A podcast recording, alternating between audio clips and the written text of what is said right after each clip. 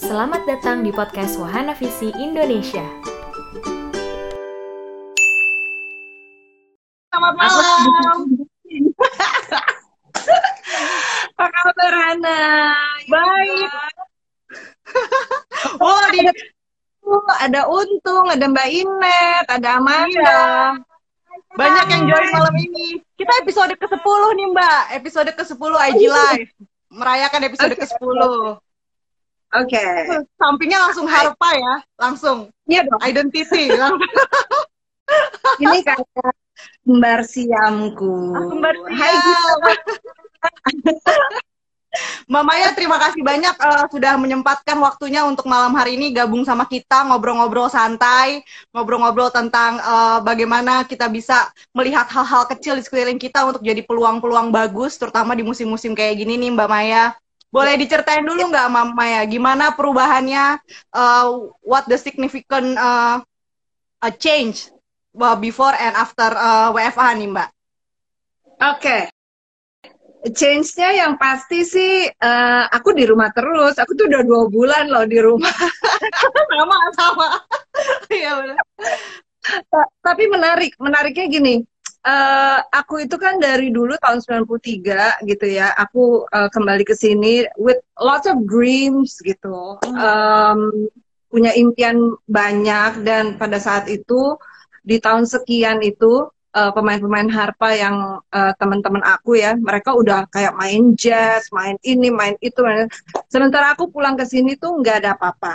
Ya, jadi orang tuh untuk tahu just the basic of uh, harpa itu sendiri itu em, mereka nggak tahu lah gitu. Jadi main harpa, hah? Apaan? Apa sih itu apa gitu? Apa Kayak itu gitu. Jadi- Harpa? Oke. Harpa. Jadi itu tuh udah standar lah gitu ya buat aku. Nah, sejak saat itu sebetulnya aku uh, I'm creating the market. Gitu. Hmm. Jadi uh, aku uh, bukan uh, men- mencari peluang, tetapi aku membuat peluang. Membuat. Jadi, ya, jadi pada saat awal-awal work from home ini, em, pertama sih panik ya. Pertama panik, nggak tahu ngapain dan sebagainya. Akhirnya mulai dong eh, melihat sekitar, mulai beres-beres rumah. dan itu lama banget ya, beres-beres rumah tuh lama banget gitu. Nah, eh, tapi akhirnya eh, memori itu kembali lagi gitu. Hmm. Memori itu Memori kembali tahun lagi 93 itu ya, Mbak ya? Memori Ya, tahun memori 93. Oke. Betul, betul. Bahwa em, cita-cita aku yang pada saat itu em, orang belum tahu, akhirnya em, aku yang create gitu. Jadi eh, pada saat ini pun juga sebetulnya eh, I'm pushing myself eh, untuk em, kan udah eh, beda umur ya, lumayan ya, jauh ya dari tahun 93 sampai sekarang gitu ya. Jadi Long way to go ya. asli asli asli gitu. Jadi eh, sebetulnya we just need to remind ourselves gitu. Kita perlu mengingatkan diri kita bahwa em, berapapun usiamu eh, seperti apa pun kondisimu gitu ya bahwa kita sebetulnya punya loh kekuatan itu kita punya loh Hmm. kemampuan itu untuk bisa em, merubah mindset itu Hmm. Iya. Nah, cuman gini, Mbak, kita ini udah dua bulan ya, dua bulan kita WFH gitu. Hal yang tadinya excitement tersendiri gitu, entah untuk kita berada di Betul. rumah gitu, sekarang udah Betul. jadi robot lagi nih. Udah jadi hal yang pakem lagi, bangun Ya. tidur kerja itu udah jadi gitu. Jadinya kita malah uh, tend to stuck with our life di dua di, di dua bulan Pasti, ini pasti. gitu. Pasti naik kan turun naik turun tuh pasti ya Ya. ya Nah, kalau Mbak Maya sendiri kan tadi udah punya history di tahun 93, what should I do gitu untuk untuk untuk menangin pasar which is akhirnya Mbak Maya bu- buat membuat pasar instead of mencari pasar gitu kan. Nah, betul kalau betul. buat kita nih, kita para keluarga orang tua, parents atau kita teman-teman eh, yang eh, profesional yang bekerja di rumah sekarang ini dengan kondisi seperti ini, kira-kira eh, gimana ya caranya supaya si mindset tadi itu bisa berubah gitu, Mbak? Oke, aku nih saking saking senengnya dengan topiknya, eh, aku em, aku apa ya? Uh, aku refleksi ke dalam diri aku ya. Dan sebetulnya di tahun 93 sampai sekarang itu ada satu perubahan yang signifikan dalam diri aku, yaitu aku um, di tahun uh, 2013 itu kan aku mendapatkan sertifikasi aku secara internasional sebagai praktisi. Ya, hmm. jadi apa sih yang aku kerjain? Aku tuh belajar lagi, menggali lagi lebih dalam bagaimana musik itu sebetulnya apa sih pengaruhnya kepada tubuh kita ya dan hmm. ternyata uh, akhirnya berkembang yang awalnya dari musik harpa akhirnya ke uh, ke core-nya core-nya itu apa ya ke intinya dari yang namanya musik itu adalah frekuensi ya. Hmm. Nah, frekuensi itu apa? Frekuensi itu adalah getaran sebetulnya, getaran yang terukur. Ada yang kita bisa dengar, ada yang kita tidak bisa dengar. Dan yang lebih menarik lagi bahwa ternyata bukan hanya getaran dari alat musik, tetapi akhirnya aku mempelajari getaran di dalam tubuh kita, getaran di dalam organ-organ tubuh kita, dan bahkan getaran di lingkungan kita, sekitar kita. Ya, jadi hmm. um, kita tuh setiap hari berhubungan dengan frekuensi. Walaupun hmm. mungkin kita belum pasang radio, kita uh, belum oh, yeah. dengerin tulis kita, ya. Nah, begitu kita menginjakkan kaki ke tanah, ke maksudnya ke ya ke bawah lah gitu ya. Yeah. Nah, kita tuh sudah berhubungan dengan nada. Nah, hmm. nada dari poros bumi, nada dari poros bumi kita itu adalah nada C. C yang sangat rendah, ya. Hmm. Jadi tubuh kita ini yang berisikan 60 sampai 70% air, itu sudah hmm. otomatis dia berubah. Nah, perubahan hmm. itu, perubahan itu ada dalam tingkat subatomic cell. Jadi sel tubuh kita yang terkecil. Oke, okay? jadi bayangin tubuh kita ini uh, seperti medan magnet. Ya, uh, tubuh kita ini seperti medan magnet. Nah, apa yang kita harus lakukan? Kita harus mengaktifasi medan magnet kita sehingga kita bisa menarik. Kita ini bukan memberi, tapi kita ini menarik. Nah, apa yang kita mau tarik? Yang kita mau tarik itu adalah kita bisa ngatur yaitu uh, melalui pikiran kita ya. Ah. melalui pikiran kita kita bisa menarik hal-hal yang baik hal-hal yang positif. Makanya aku kalau misalnya dengar nih kan uh, sering kali ya orang oh positive thinking positive thinking which is benar banget. Itu benar banget benar banget.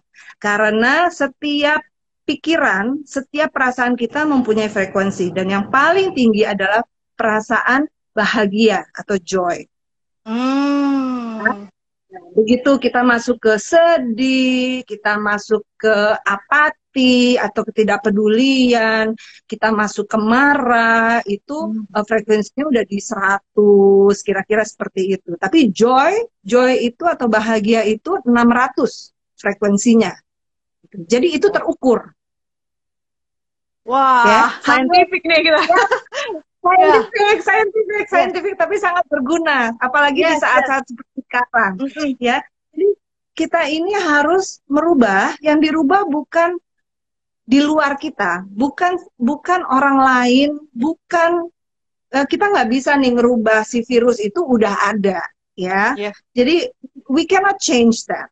Yang hmm. kita bisa rubah adalah apa? Yang kita bisa rubah adalah diri kita bagaimana hmm. kita berpikir ya sekarang bayangin kalau misalnya marah itu frekuensinya 100 sementara bahagia itu 600 ketika kamu marah kamu harus bisa bisa apa ya marah itu cuma lewat aja numpang lewat hmm.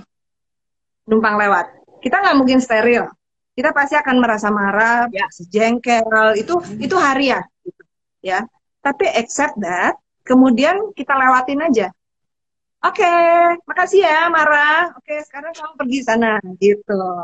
Nah, kita harus bisa menjadi orang yang seperti itu. Tentunya perubahan-perubahan seperti ini tidak terjadi dalam semudah membalikan tangan ya. Kuncinya apa? Kuncinya tuh latihan.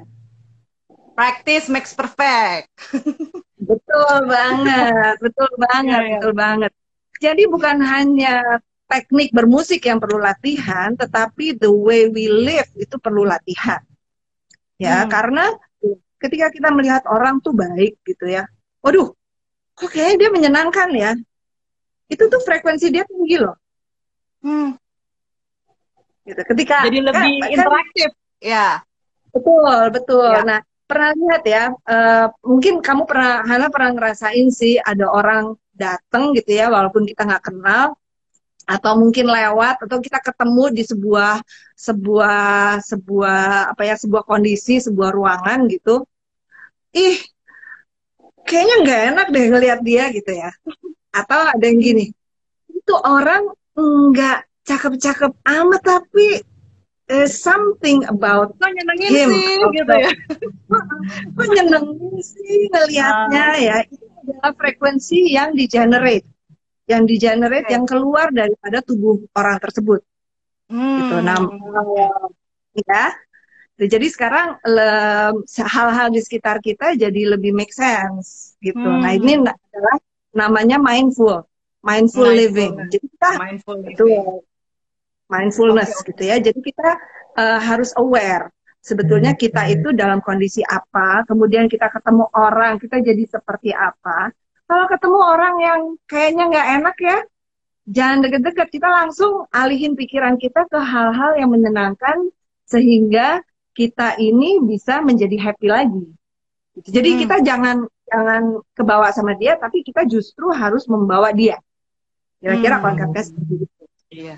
Ya. Nah, ini tadi ada pertanyaan juga nih, Mbak. Ini kita udah tahu bagaimana pentingnya uh, joy itu di dalam hidup kita. Karena ketika kita Betul. joy from inside, from within gitu ya, Betul. keluarlah inside out gitu. Orang kita bisa lebih atraktif, orang-orang lebih suka sama kita gitu. Aura kita yang kita bawa ke sekeliling kita juga positif gitu. Dan most likely kita akan jadi orang yang lebih produktif juga pastinya ya begitu kita positif, Pasti kita dong. kita Pasti, kita pasti. happy gitu. Nah, cuman Yes. kondisi ini tuh menumpuk semua anxiety, semua perasaan-perasaan sedih, marah, kesel, bete, apalagi tuh. Semua perasaan-perasaan itu lagi numpuk nih sekarang nih, Mbak.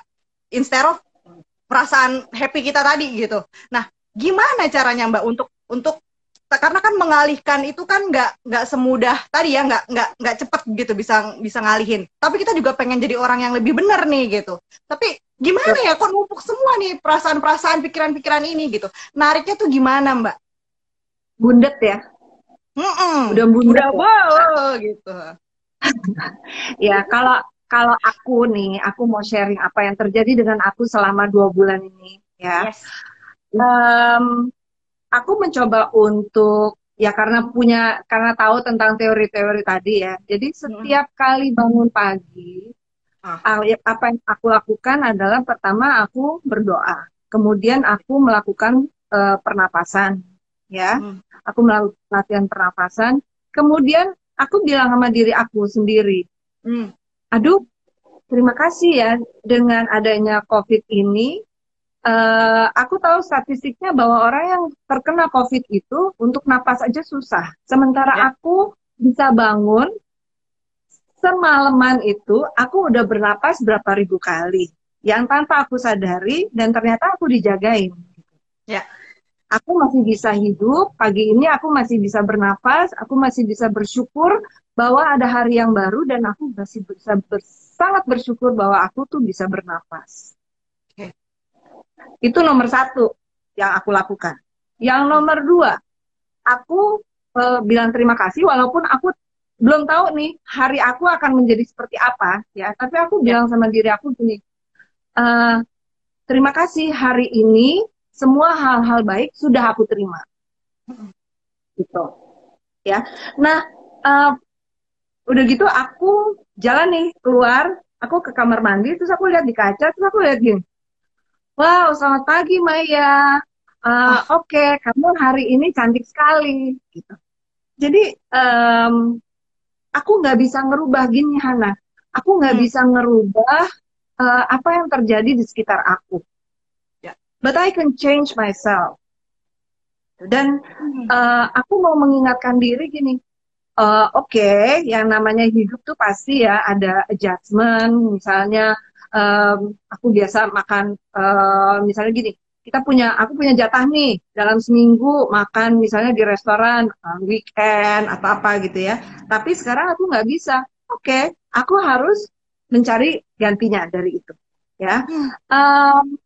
Tabungan mulai menipis Hmm. oke kalau gitu eh, yang tadinya uh, masak apa pesan di restoran, sekarang mulai googling. Kita punya banyak sekali kemewahan. Ya, hmm. di dalam Google itu ada banyak sekali resep. Kamu mau cari resep apa pun itu juga pasti ada. Oke. Okay? Hmm. Um, dan resep-resep itu bahan-bahannya bisa diganti.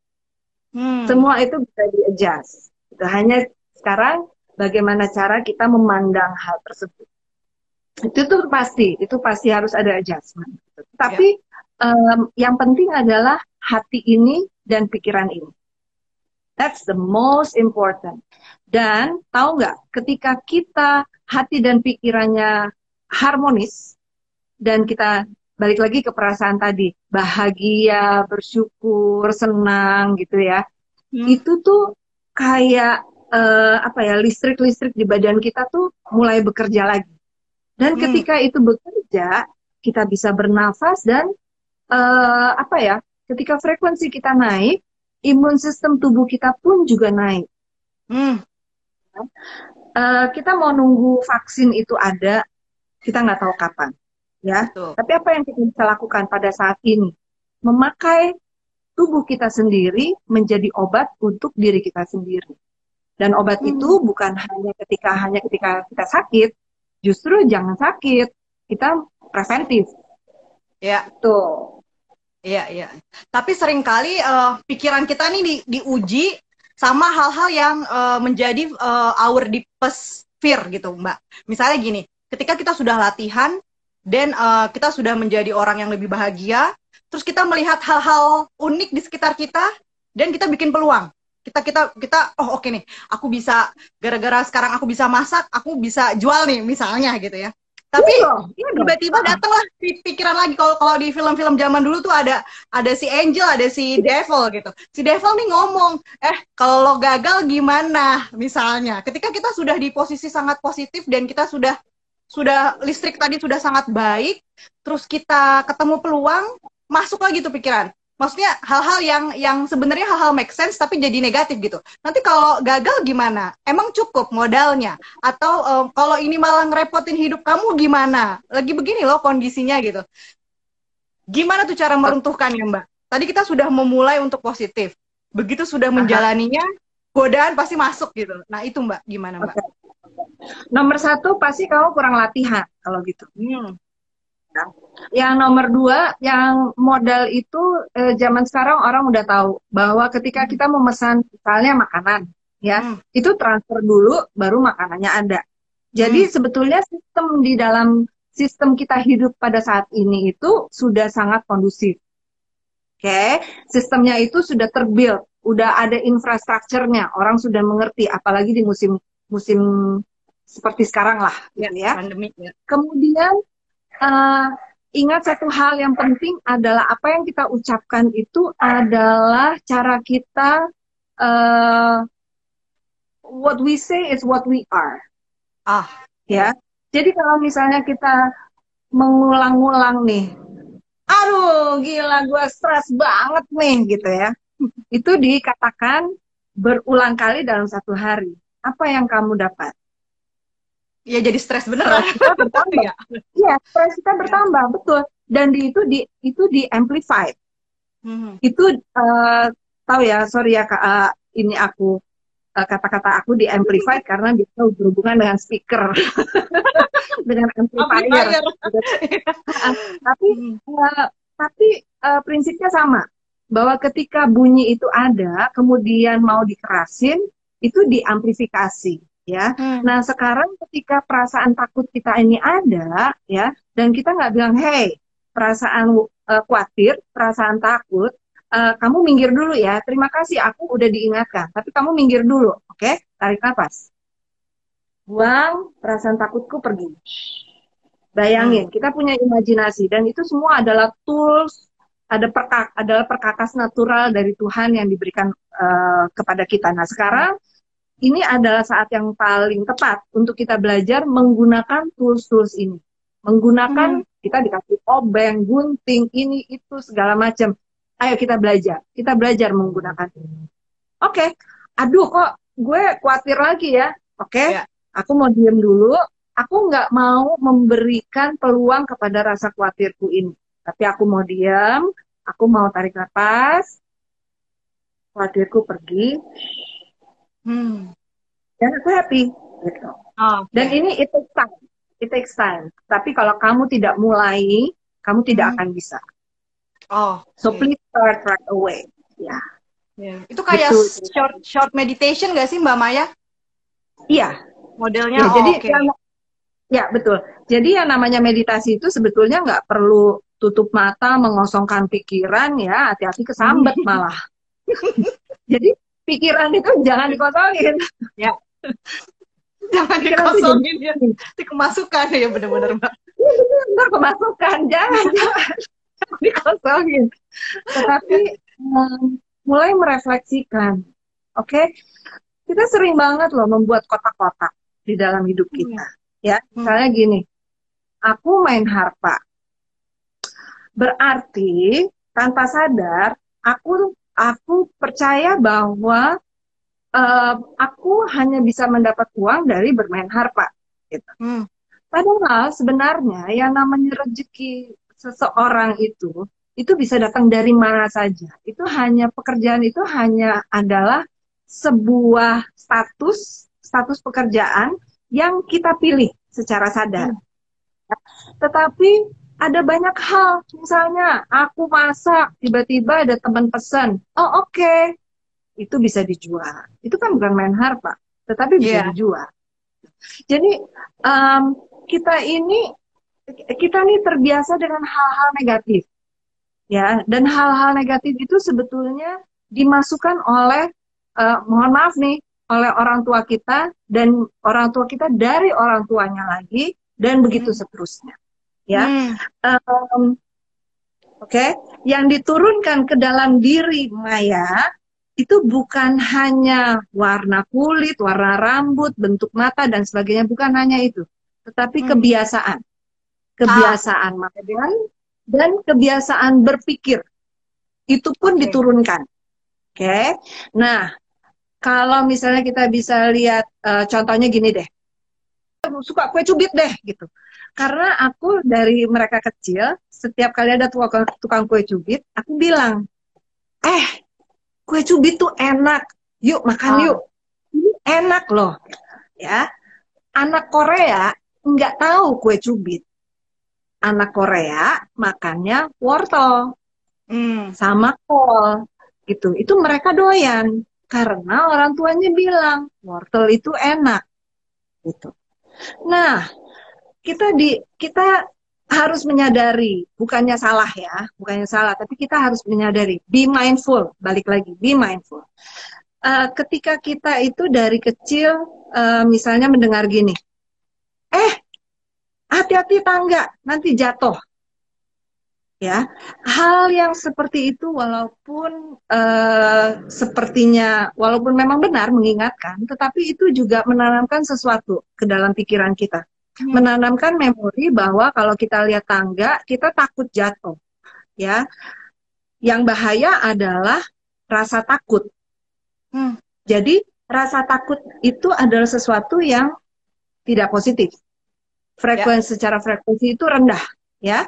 Nah, ini bertumpuk tumpuk tumpuk tumpuk tumpuk tumpuk tumpuk tumpuk sehingga ketika kita menemukan kondisi yang eh, frekuensinya rendah yang lain, misalnya rasa khawatir, rasa nggak percaya diri, ya, semua ini terambil dari memori bank kita, Hmm. sehingga eh, kita lebih bisa, eh, kita lebih bisa apa ya, lebih bisa cepat eh, berkorelasi dengan rasa yang negatif dibanding yang positif. Ah, rasa oke. takut, rasa cemas gitu. Make sense ya? iya. Make sense ya? Itu termasuk Nah. bagaimana kita melihat orang lain juga ya pada akhirnya ya Mbak ya. Misalnya ada suatu Betul. kasus atau suatu kondisi, kita jadi ngelihatnya negatifnya aja gitu. Padahal sebenarnya kalau kita switch pandangan kita ke yang positif tuh bisa gitu. Betul, betul. Jadi eh, bertanyalah pada diri Anda setiap kali ya, apakah perlu, apakah baik Hmm. sebelum berpikir, sebelum melakukan sesuatu. Apakah Hmm. perlu, Apakah itu baik untuk aku dan apakah itu perlu untuk aku? Hmm. Ya kita mau mau melakukan, kita mau uh, kita mau me- mengatakan sesuatu. Apakah itu perlu buat aku? Apakah aku perlu mengatakan itu? Apakah baik kalau aku mengatakan itu? Ya. Itu aja dulu. Betul betul. Ya, karena pada Sekali saat ini kita lanjutin Ya, Mbak ya, gimana? ya. Lanjutin gimana? Karena pada saat ini kita Ah ya, jadi lupa deh. Tapi aku mau mengingatkan bahwa eh, sebetulnya ketika kita em, seperti apa ya, filosofinya seperti pohon bambu. Ya, pohon bambu itu sangat lentur. Nah, ketika kita bisa mengikuti datangnya angin, datangnya badai, datangnya hujan gitu ya, dan kita bisa lentur, kita dalam kehidupan pun juga bisa seperti itu, then we will be the happiest uh, people on earth. Hmm. Oke, oke, oke, oke, oke. Oke, Mbak, ada pertanyaan nih, Mbak. Eh, apakah Mbak Maya sering melakukan meditasi untuk mempertajam intuisi kesadaran penuh? Oke, Eh, ini menarik nih. Eh, sebentar, aku mau say hi dulu teman-teman aku. Hai Rana, kakak, Panca semua. ada Banyak Dea, ada join. Oh, ada Irka. Em, gini, meditasi itu eh, balik lagi ya. Tadi aku udah sempat sempat bilang bahwa em, meditasi itu bukan kita harus mengosongkan pikiran, oke? Ya. Medita meditasi itu adalah sebuah kondisi brainwave atau gelombang otak. Ya. Brainwave. Nah, ketika ya, brainwave, balik lagi ke frekuensi. Ketika gelombang otak kita itu bergetarnya 8 hitungan per detik, ya, jadi hitungannya 8 hertz, ya, itu eh, kita masuk ke kondisi kalem, Hmm. state of calm, ya. Dan ini bisa didapatkan dengan nafas. Mau nyoba nggak dikit? Coba, coba, coba yuk. Ayo, teman-teman yang di sana, ya. ambil posisi enak, ambil posisi enak, kita coba yuk. Nah, Boleh, Mbak. eh, tapi dicoba juga. Kalau posisinya nggak enak, dicoba juga. Jadi bisa apa ya, kalau posisinya nggak enak, Enak dicoba apa juga. enak ya kan? Boleh. Tarik nafas nih. Oke. Oh, wow, Mbak Maya sambil main harpa. Iya, iya, iya, iya. Wah, ada yang teriak coba. Wah, iya. Oke, em, untuk ini karena awal, saya minta Anda semua untuk tutup mata. Ya, ini nggak lama kok, nggak lama. Oke, bayangkan eh, udaranya itu masuk dari bawah, dari telapak kaki kita. Ya, Hmm. kita tarik nafas melalui hidung. Bayangkan sam ke seluruh tubuh, oksigen itu naik sampai ke ubun-ubun. Dan buang napas melalui mulut. Rusuk dikempeskan, perut dikempeskan. Oke, coba ya sekali lagi tarik nafas. Buang nafas. Bayangkan hal-hal yang indah, tempat yang indah, sebuah tempat yang kita tahu sejak kecil. Tarik nafas. Buang nafas.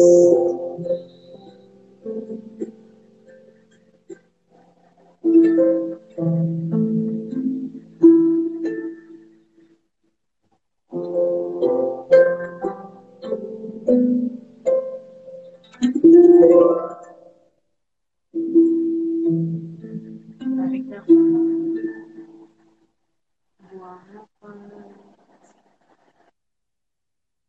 Selesai. Buka mata. Wow, rasanya? kalau aku jadi tenang banget. Karena sebelum Iya. IGF ini aku deg-degan, aku gemeter banget. Bahkan ketika kita ini berlangsung, itu deg-degan banget. Setelah melakukan ini kok tenang ya. Aduh, senangnya. gemeternya. Aduh. Oke. Itu hal yang praktis ternyata ya Mbak ya. Sebentar, Iya. tapi udah kita lakuin itu aja gitu. Betul, betul, betul. Jadi uh, kita tuh sebetulnya punya kok. Hanya kita punya di dalam diri kita. Kita punya semua yang kita butuhkan. Tapi hmm. sering kali kita tuh nggak sadar. Ya, jadi kita malah gini. Kita nggak percaya sama diri kita. Kita nggak percaya bahwa tubuh kita itu bisa uh, menyembuhkan diri kita sendiri. Ya, ah, kita nggak percaya bahwa kita punya ability, kita punya kemampuan itu, sehingga kita apa? Kita rely on obat, kita uh, lebih percaya bahwa oh ini itu banyak ya. banget gitu. Iya iya ya. benar-benar. Jadi mungkin padahal sebenarnya um, di dalam kita udah punya itu tools-tools tadi itu semua ya. Untuk kita punya, untuk menenangkan, punya, untuk untuk betul. jadi obat itu sendiri ya benar. Betul, betul, betul. Dan uh, saya minta maaf gitu uh, tadi nggak bisa terlalu lama karena emang kita punya time limit ya di Betul. sini ya gitu. Iya. gitu. Tapi kalau misalnya mau uh, mau uh, mengenal lebih dalam, uh, tahu lebih dalam tentang tentang how music heals gitu ya. Dan aku juga memang uh, terima klien dan kemarin kebetulan ada sebuah berita gembira. Aku hmm. sempat bantuin teman aku yang kena COVID. Dia hmm. udah isolasi um, selama 20 sekian hari dan ketika um, dia minta sesi kepada saya um, sesi pertama itu dia bisa nafas lebih longgar dan kemudian uh, pada saat itu udah lima kali dia tesnya positif hmm. kemudian setelah uh, satu kali sesi nafas itu saya telepon lagi puji Tuhan kemudian udah negatif. Tapi memang di rumah sakit kan harus tiga kali ya, harus tiga kali negatif baru boleh keluar. Nah kemudian se uh, sekitar seminggu seminggu lebih, uh, kemudian saya telepon lagi, saya tanya bagaimana. Oh iya dong Mai, kalau bisa uh, sesi lagi, ini kan udah negatif, dia bilang gitu. Kemudian saya kasih sesi kedua.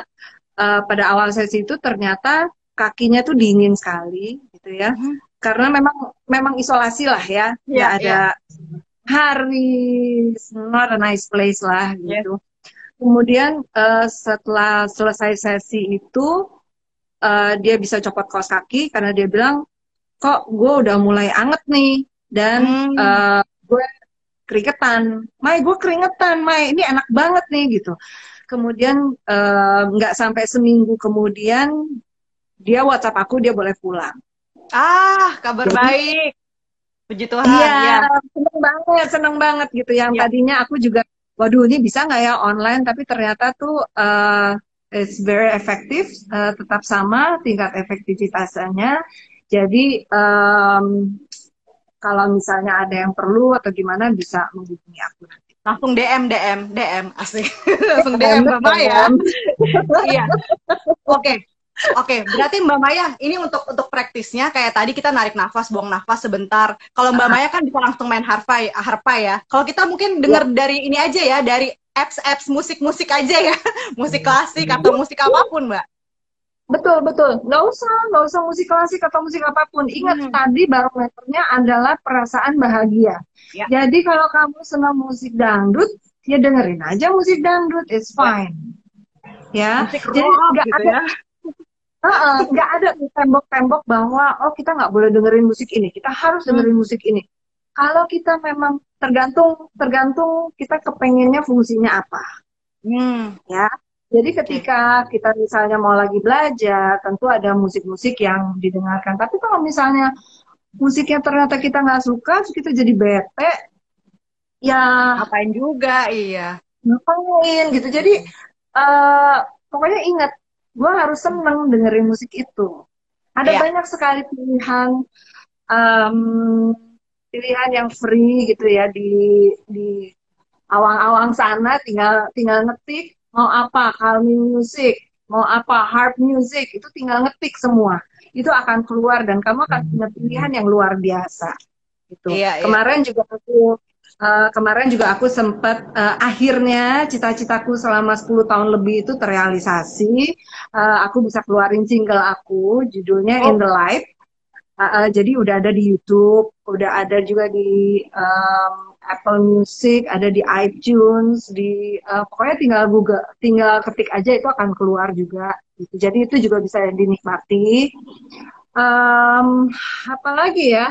Um, catat teman-teman catat In the Light ya Mbak ya, judulnya ya. In the Light, In the Light. In the Light. Nah, informasinya ada di Instagram aku juga. Hmm, Gitu. Oke oke oke. Nah, gitu sih. Iya iya iya. Ya, ingat ya, hanya kita yang bisa merubah diri kita. Jadi jangan expect orang lain bisa merubah hidup kita. Enggak, enggak bisa gitu. Dan eh, aku juga eh, apa ya? Senang juga gitu bahwa dengan adanya COVID ini eh, kita aku selama dua bulan di rumah itu aku bisa lebih dekat dengan anak-anak aku Hmm. dan juga aku apa ya akhirnya aku mengencourage mereka ada satu nih anakku nomor dua harusnya kerja di Bali tapi Hmm. karena COVID jadinya nggak jadi berangkat ya gitu dan dia eh, ya lumayan sedih lah gitu Dewa, jadi ya. akhirnya mm-mm. jadi akhirnya eh, aku mulai encourage mereka untuk membuat sesuatu di rumah nah itu Boleh ada ini nih. buat teman-teman, buat teman-teman kita mesti kasih tahu dulu Mbak Maya itu anaknya tiga. Yang pertama namanya Alexandra, lalu Andrea, yang ketiga namanya Austin. Jadi triple A, betul triple A Triple yang A. yang di Ya. musim pandemi ini ternyata berkarya tadi itu dengan hal-hal yang ada di sekitar ternyata jadi peluang yang baik gitu. Coba kita mau ngobrol-ngobrol sama anak-anaknya Mbak Maya nih. Oke, oke. bentar nih. Hey guys, bukan Guys. panggilnya guys. Supaya teman-teman yang join juga bisa belajar. Hai, ini ini ini Austin ya, ini Austin pasti yang cowok. Yang Iya. cewek siapa nih? Cewek Andrea ya? Oh, Alexander, Alexander. Alexandra. Oh, Alex, hah? Alexandra. Alexandra. Alexandra. Dan cowok Austin yang satu lagi, Andrea. Andrea, Oh, sebentar, lagi jalan ke sini. Oh, lagi jalan.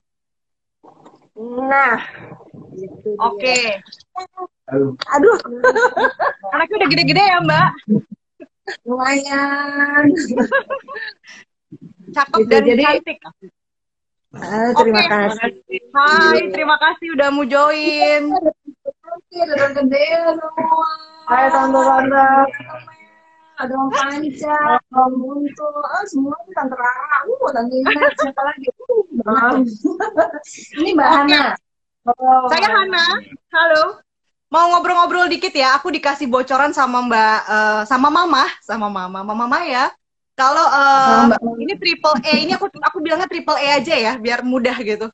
Triple A ini eh, di musim ini, di musim pandemi ini justru eh, sedang memanfaatkan musim ini untuk bikin startup.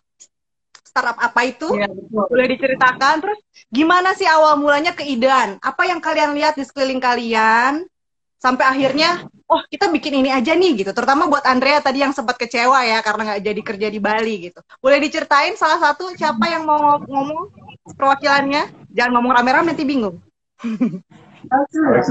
Oke. Em, jadi kalau jadi ide kroketnya itu adalah kayak sebenarnya kayak pengen kayak hmm, apa sih makanan yang pengen kayak savory gitu Hmm. eh, yang kayak pas di semua waktu terus abis itu em, apa ya Jadi startupnya itu startupnya itu adalah makanan. belum belum sih Startupnya itu Startupnya adalah makanan. makanan. Kroket ya namanya ya. Ya, namanya Krok. oke Nah, mereka akhirnya coba em, ke muka Mbak Maya Mbak Maya oke akhirnya em, mereka apa ya makanan apa eh, dan sebetulnya bahan-bahannya yang gampang sih. Bahan-bahannya yang bisa diakses eh, dengan mudah. Eh, akhirnya pilihannya jatuh kepada kentang. gitu, Hmm. kepada kentang dan karena mereka juga sangat dekat dengan almarhum ibu aku ya jadi eh, referensinya mungkin ke makanan yang apa ya yang eh, dari tua sampai muda tuh suka itu akhirnya Hmm. pilihannya jatuh ke eh, kroket atau sebetulnya lebih tepat ka- karena dibikin bulat-bulat kecil jadinya kayak bitter balance. Oh, oke Ya, tetapi dimilenialkan men- eh, disebutnya crockheads gitu, bukan Oh. kroket tapi crockheads gitu. oke oke ya Betul. Oke. Nah, um, akhirnya mulailah dibentuk uh, enaknya apa ya kalau digigit oh kalau digigit kejunya tuh sampai molor-molor sampai kayak gitu nah kebetulan Melting. Melted nah kalau Alexandra ini kan memang backgroundnya uh, desain gitu jadi dia yang uh, kebetulan untuk crop crop heads ini Iya, kalau misalnya aku tuh yang lebih bagian kayak pilih logo, packaging, terus habis Hmm. itu ya, visualnya gitu lah. Kalau Andrea tuh lebih kayak ke head kitchennya gitu, creative Hmm. director di bagian kitchen. Jadi dia yang rasa rasa lah pokoknya. Karena memang memang sekolahnya tuh gastronomic science Kalau Austin lebih kayak yang megang finance-nya gitu, Ah, sama pokoknya kebutuhan gitu Austin sih. Jadi kita bagi Ini- tugas aja. Ini komplit tim ya sebenarnya ya, komplit tim gitu. Marketing ada, finance ada, produksi Iya. ada, semua ada semua di sini. Kalau berarti sambil nggak- makan ada yang ingin harpa Oh iya benar, ada yang nemenin juga buat mood, mood boosting.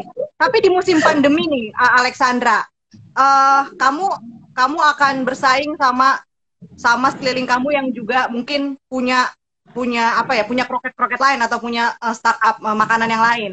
How you deal with this condition? Em, kalau menurut aku sih selama kayak produknya itu kayak eh, maksudnya kita pede sama produk sendiri itu ya Mhm. pasti aku yakin pasti jalan sih. Oke. Austin dari tadi nggak ngomong nih atau Andrea nih? Kakaknya terus kakaknya. Oke, tapi kalau kalau Austin memang backgroundnya finance, memang suka Iya. ngitung-ngitung ya. sebenarnya nggak terlalu suka ngitung-ngitung sih tapi penting aja gitu Tapi apa? Sorry. tapi kalau nggak ada yang ngurusin finance ya gimana mau jalan bisnisnya Ya, ya, ya, ya, ya. Wah, oke nih, oke. Kondisi ini bisa membuat kalian bersatu. Tapi memang, memang sebelumnya, sebelum work from home, memang deket begini ya kakak adik ini ya, atau berantem atau gimana gitu. Enggak, memang berantem- mesra gini ya Mbak Maya. Hmm. Kalau emang selalu mesra begini ya. Soalnya kompak banget gitu. Ya eh, mesra iya, berantem juga iya, ya itu sih ya ya udahlah ya mau gimana. nah itu yang aku bilang tadi, nggak apa-apa berantem, tapi berantemnya cepet kelar, ya kan? Hmm. Berantem Hmm. cepet kelar. Mbak Maya, apa yang diajarin ke anak-anak Mbak di musim-musim ini sebelum akhirnya startup ini kebangun? Ada nggak mungkin stimulus nasihat atau apa yang dikasih ke anak-anak gitu? Sampai akhirnya ter- ter- terjadilah peluang ini gitu, terciptalah peluang ini gitu. Sampai udah eksekusi ya, sekarang udah udah marketing, digital Udah. marketing dan udah disebar juga makanannya ya, eh, kroketnya. Betul, betul, betul. Jadi eh, yang nomor satu sih aku bilang gini, eh, ini Mama tuh nggak ada job eh, show segala macam nggak ada ya. Jadi eh, I think you better make money deh. Kalau nggak Mama cut uang bulanan. Oke, itu motivasi yang sangat bagus, luar biasa. Oke, Jadi buruan, mulai bulan ini udah mesti punya pemasukan. Hmm. Oke, gitu. Jadi deh. benar sih. langsung mikir, langsung bertiga langsung ngumpul, kita ngapain nih guys, kita ngapain nih gitu. Oke, emang harus diancam dulu jadi Jadi- memang jadi harus memang- dulu. Jadi memang Tapi- kepepet itu kepepet itu punya kekuasaan apa punya power yang luar biasa ya. Kita jadi Power of- kreatif, uh, the power of kepepet. Langsung bisa masak, langsung bisa ini, bisa itu gitu. Uh, kuncinya ya kepepet aja. Tapi diajarin mindful, mindful juga nggak anak tiga nih Mbak Mai? Oh iya dong, mindful. Jadi bikinnya tuh kan harus dengan dengan hati, bikinnya harus dengan eh aku udah bilang, pokoknya kalau masak itu harus dengan hati-hati karena supaya apa? Supaya yang makan juga nanti happy gitu. Hmm. Karena itu kan akan tertransfer. Nah, di situlah letak mindfulness-nya. Oke, oke, oke, good. Nah, sel- selain selain alasan money tadi ya kepepet itu, mungkin Mbak Maya punya punya em, masukan mungkin ya untuk parents-parents juga yang punya anak-anak. Ini yang adult nih anak-anak yang Mbak Maya. Cuman kita juga banyak follower-follower kita yang parents anaknya teenager gitu untuk untuk tetap kreatif gitu. Kira-kira uh, ada ada masukan nggak ya untuk mereka how to make uh, their children uh, produktif, lebih kreatif karena sekarang anak-anak juga masalahnya sekarang udah mulai bosen nih, udah mulai stuck, udah nggak bisa berkembang, udah udah mulai males sekolah, udah mulai males ngapa-ngapain gitu. Silakan Mbak. Em, apa ya? em, ini kan generasinya udah beda ya. Generasi mereka dan generasi aku udah berbeda. Em, dari dulu yang namanya pekerjaan hanya mungkin dokter dan dokter, pengacara, eh, apalagi ya. Pokoknya pekerjaan tuh hanya hanya sebatas itu ya. Sekarang tuh udah banyak sekali dengan adanya dunia digital itu banyak sekali pintu yang terbuka. Em, satu hal yang aku yakin dan itu sebetulnya sudah aku jalani, em, uang itu akan datang ketika kita melakukan sesuatu dengan hati yang gembira. Hmm. Jadi ketika kita melakukan sesuatu dengan passion, eh, uang itu pasti akan datang. Ya, nomor satu, we have to like doing it. Gitu. Karena semua pekerjaan itu pasti akan ada em, apa ya? Ya itulah ada nggak enaknya, ada apa, ada apa. Tetapi ketika kita melakukan sesuatu dengan hati, dengan eh, bahagia, dengan passion, maka semua itu akan kita bisa lewati. Hmm. Gitu kayak misalnya gini. Jadi musisi profesional itu em, apa sih? Kalau buat aku jadi jadi musisi profesional itu bukan hanya mendapatkan bayaran ketika ngejob, tetapi adalah bagaimana ketika kita kolaborasi, ketika kita eh, disuruh main lagu yang mungkin kita hmm, bisa nggak sih ada lagu lain gitu ya. Tetapi apa pun itu outcome-nya harus bagus. Hal-hal seperti ini harus bisa diterapkan gitu bahwa em, ketika eh, dasarnya kenapa saya bisa membuat itu bagus, kenapa saya bisa tetap eh, striving, kenapa saya bisa tetap bertahan karena I do it with heart. Hmm. Jadi Right. kalau aku sempat bilang tuh sama anak-anak, kamu kalau misalnya mau jadi tukang bakso ya nggak apa-apa, tapi jadi the best tukang bakso Hmm. dan memasaklah dengan cinta. Lakukanlah semua hal itu dengan cinta. Cooking with love. Brekot be- besok-besok ada drakor judulnya Cooking with Love, bukan Cleaning with Love. Do everything with love. Do everything with Oke. love. Dan itu akan akan balik lagi, itu akan menjadi magnet kita. Dan orang-orang akan datang. Gitu. Right, right. Oke. Kalau perkembangan bisnis sekarang udah gimana, Alexandra? Celah, kakak aja nih tanya kakak. Udah gimana sekarang? Lagi meningkat, Ya, lagi sibuk, baru- lagi gimana? Kita baru kayak maksudnya maksudnya yang buat kroket ini atau Iya, iya. buat- Yang yang buat roket. kita baru tiga kali jadi pokoknya kita buka PO tuh setiap eh, pokoknya seminggu dua kali Em, lumayan sih yang beli jadi kita bisa sampai kayak eh, bikin sekali PO tuh 400 bola gitulah lumayan capek Lumayan capek. Kita tuh sampai tidur juga begini terus loh. Kayak ngadon. Mbak Maya ikut nggak bikin ngadon? Ikut ngadon.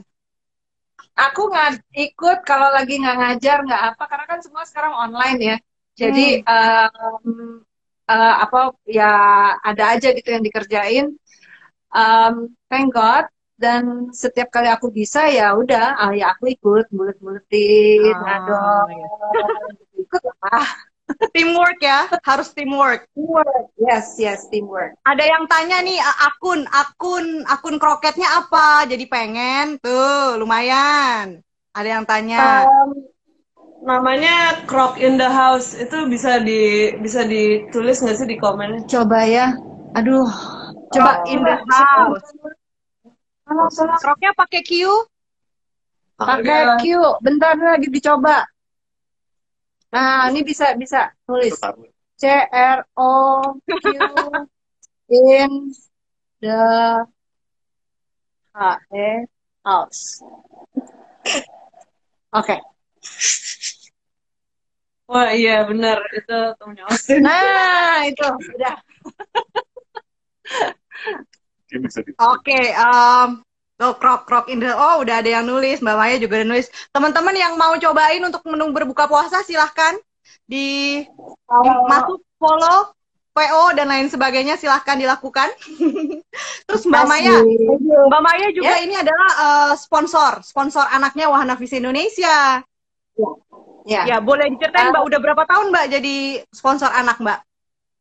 Aduh, berapa ya? Coba kamu lihat catatannya berapa ya? Kayaknya dua tahun. Iya.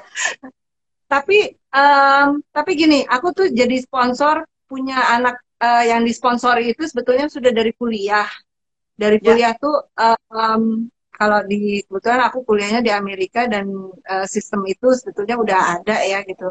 Jadi aku seneng tuh setiap eh, setiap beberapa bulan dapat surat, anaknya nulis gitu ya dan eh, buat aku em, itu salah satu uh, passion aku juga sih. Uh, I, I like to help people gitu ya. Aku tuh seneng kalau aku bisa berbagi dan um, bisa membuat orang lain bahagia tuh aku seneng banget gitu. Jadi um, aku sangat mendukung programnya Wahana Visi Indonesia.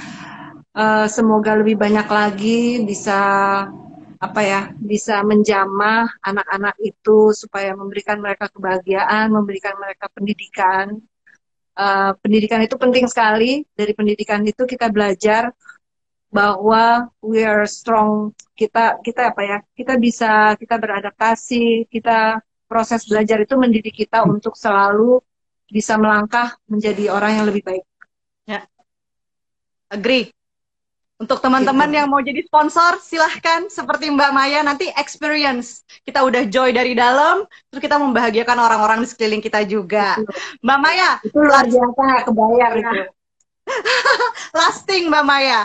Kira-kira eh, ada ada ada kata-kata terakhir yang ingin disampaikan ke yang sedang menyaksikan saat ini supaya tetap bisa mindful di kondisi seperti ini, Mbak.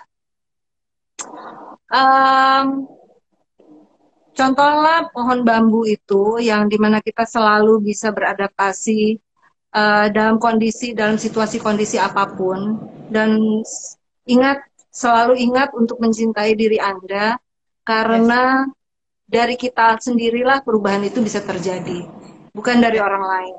So you have the power, uh, believe in yourself and love yourself. Yes, oke. Dari dalam keluar karena hanya kita yang bisa mengontrol diri kita sendiri, kita tidak bisa kontrol sekeliling kita. Betul gitu ya, Mbak Maya? Oke, eh, teman-teman, eh, sekian perbincangan kita dengan Mbak Maya dan family dan anak-anaknya yang cantik dan ganteng nih banyak banget komennya anak-anak Mbak Maya ganteng cantik gitu ya. Eh, next Tuesday, next Tuesday kita ada perbincangan tentang financial uh, family financial. Jadi untuk teman-teman semua yang mau menyaksikan tentang financial silahkan stay tune di IG live kita next Tuesday ya. Terima kasih Mbak Maya, terima kasih Alexandra, Austin, Andrea si times bisnisnya. yang udah datang, udah mengikuti. Thank you. God bless you. Terima kasih, terima kasih sudah dilatih untuk lebih mindful. Meditasinya dicoba ya teman-teman di rumah. Supaya Terima kasih semuanya. Selamat malam, stay safe. Selamat malam. Pesan ini disampaikan oleh Wahana Visi Indonesia.